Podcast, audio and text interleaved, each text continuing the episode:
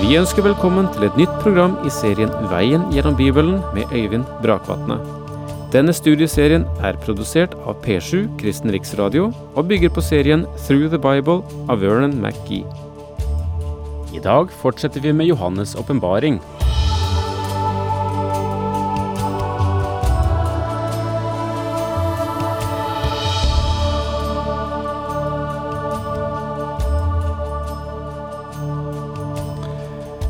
Åpenbaringsboken foregår på to hovedplan. En del av den foregår på jorden. Men ganske mye av den foregår også i himmelen. Og så langt så kan vi si at eh, kapittel én løfter Johannes' øyne opp på det himmelske plan, der han får møte den herliggjorte Kristus. Men kapittel to og tre bekrefter det jordiske plan i betydningen av at vi her får møte menigheten. Menigheten beskrevet, enkeltmenigheter, plukket ut av bestemte årsaker. Men disse syv menighetene representerer også kirkens totale historie. Men når vi så kommer til kapittel fire og fem, da løftes vi opp og befinner oss i himmelen. For å oppleve noe av det som foregår langt utenfor verdens scene. Og nå er vi da kommet til kapittel seks. Og hva så? Jo, når vi nå kommer til kapittel seks, da føres vi tilbake igjen til jorden.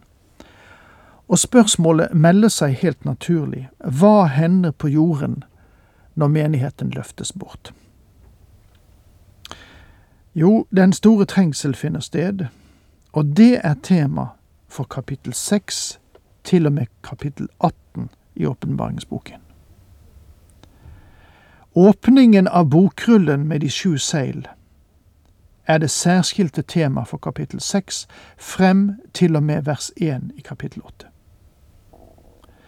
Disse sju seil åpner den store trengselsperioden. Den Herre Jesus bryter seilene, og de fire rytterne rider fram. Vi vil se de døde som var martyrer under denne perioden, og vredens dag som kommer. Og i en meget klar progresjon innvarsler de sju seil, de sju basuner, som vi møter i åpenbaringen åtte til og med elleve.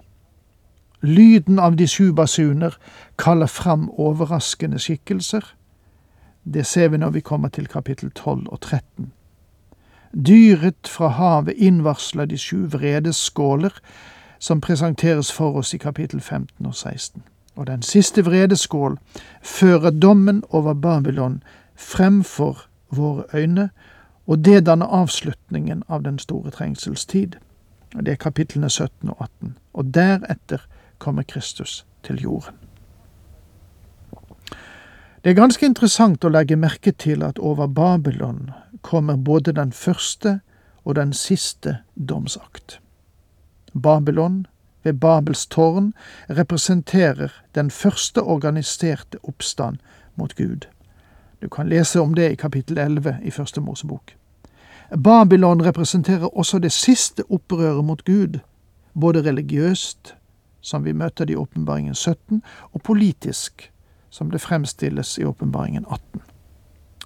Og dette fører menneskets korte dag på jorden til sin slutt. Det som er viktig å ha klart for oss, er at han som er verdig til å åpne denne boken, står i sentrum. Det er han som regisserer alt nå. Som det ble sagt i begynnelsen, så er dette åpenbaringen, avsløringen av Jesus Kristus. Han vandrer ikke lenger blant lysestakene, for de er tatt bort fra jorden.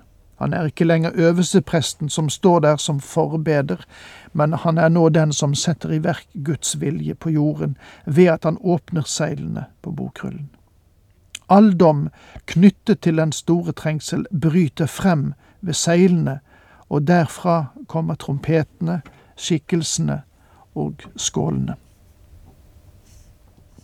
Den store trengsel har sin start i himmelen. Jesus Kristus leder hele operasjonen, og det er årsak til at Salme 2, vers 9 sier du skal knuse dem med jernstav. Mange vil vel si at de liker ikke dette. Ja, har du et bedre forslag til hvordan han skal knuse all oppstand på denne jord? Om du har en bedre løsning, vil du da formidle den til den Herre Jesus? Hvordan tror du han skulle gå frem? Sett nå at han kom på samme måte som for 1900 år siden. Tror du at de er klare i Moskva og i Washington og London og Oslo til å overgi all autoritet til ham? Hva med alle de andre land i verden? Det er én ting vi kan være ganske sikre på. Ingen er rede til å gi ham makten. De politiske partier er ikke interessert i å sette Jesus Kristus på tronen. Det finnes noen innenfor alle leirer som gjerne selv vil sitte på tronen. Min venn, får jeg si til deg at han alene er den som er verdig, og hvordan skal han komme til makten? Nøyaktig slik det står i Salme 2, vers 9, du skal knuse dem med jernstav. Og vi vil se at dette finner sted fra nå av i åpenbaringsboken. Dette er dommen over jorden. Jeg tror, som jeg tidligere har påpekt, at menigheten vil bli løst fra denne dommens epoke. Hvorfor? Er det fordi de er så hyggelige og søte små søndagsskolebarn? Nei, langt derifra. De er syndere, men de er frelst ved Guds nåde. Bare de som vraker Guds nåde, går inn i trengselsperioden. Verden skal få høre Guds ord og ta stilling til det, og det vil være bestemmende for hvilken rolle man kommer til å spille i den store trengselen. Kapitlene fire og fem var bare forberedelser til det som skulle følge, nemlig dommen over jorden. I kapittel fire så vi tronen og den treenige Gud. I kapittel fem så vi boken og den Herre Jesus Kristus. Der er i denne sammenheng visse faktorer som fokuseres og øker intensiteten og det rystende i den store trengsel. For det første, Den hellige ånd vil ikke lenger legge begrensninger på det onde. Mener jeg med det å si at han vil forlate verden? Nei, han vil ikke bli borte. Han var i verden før pinsedag, men på pinsedag gikk han inn i en ny tjeneste med å døpe de troende inn i Kristi legeme en tjeneste som innebærer å bo i dem, fylle dem og lede dem i denne verden. Han ville hente menigheten ut av denne verden, men det betyr ikke at han vil forlate verden. Han vil fremdeles være her, han vil ikke legge begrensninger på det onde lenger. Med andre ord skal mennesket alene få ha sin tid, og det vil Satan også. Det er en årsak til at jeg gjerne ikke vil være her da. Den andre faktoren som jeg vil understreke her, som øker intensiteten og det rystende i den store trengsel, det er at den sanne kirke, som lys og salt, vil være borte fra jorden. Selv om menigheten har relativt liten innflytelse i verden i dag, så har den likevel en innflytelse. Men når den forlater jorden, vil denne innflytelsen være borte. For det tredje, Djevelen vet at han bare har en kort tid. Han kommer til å operere intenst. Han vil dra ut alle fordelene han kan få av denne korte perioden, og Gud vil gi ham frie tøyler. For det fjerde, onde mennesker vil ha en større frihet til å iverksette sine mørke planer. Med andre ord vil Antikrist være i stand til å ta over denne jord i en kort periode.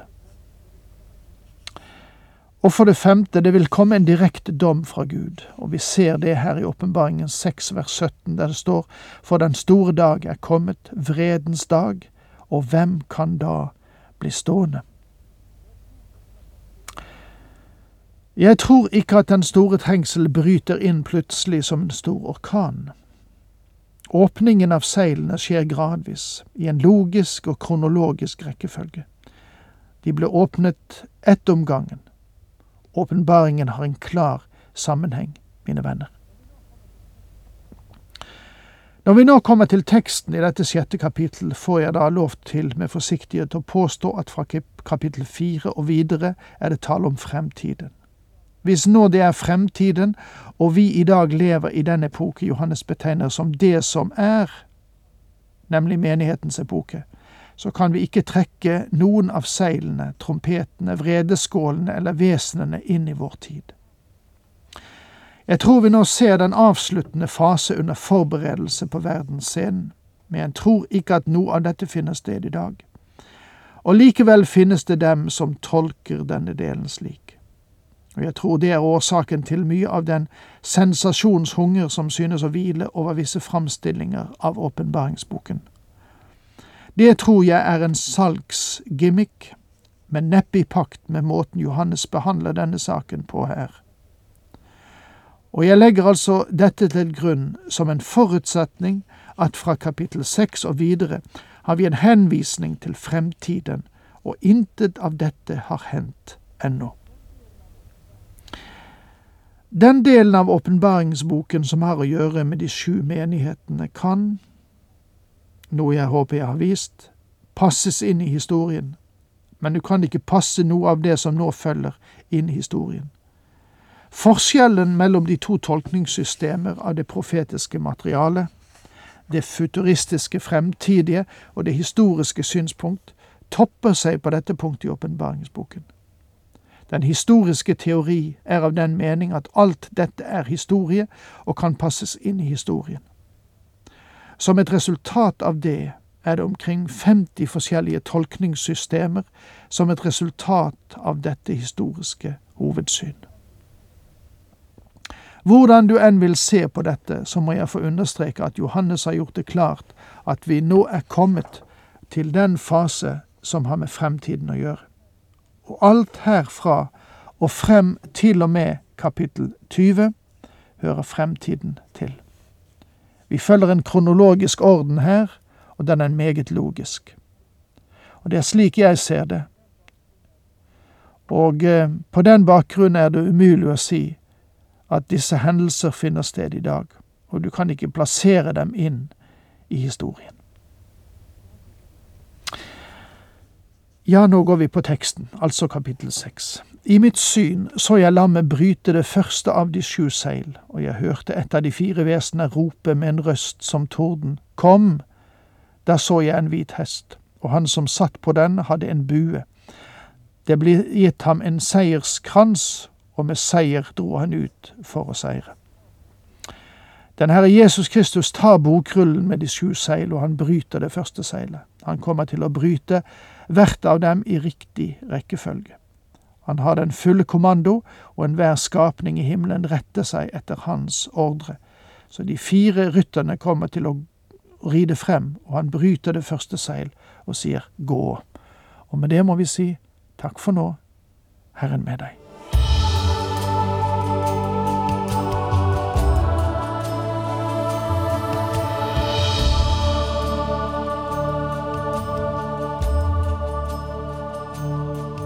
Du hørte Øyvind Brakvatne i studieserien Veien gjennom Bibelen.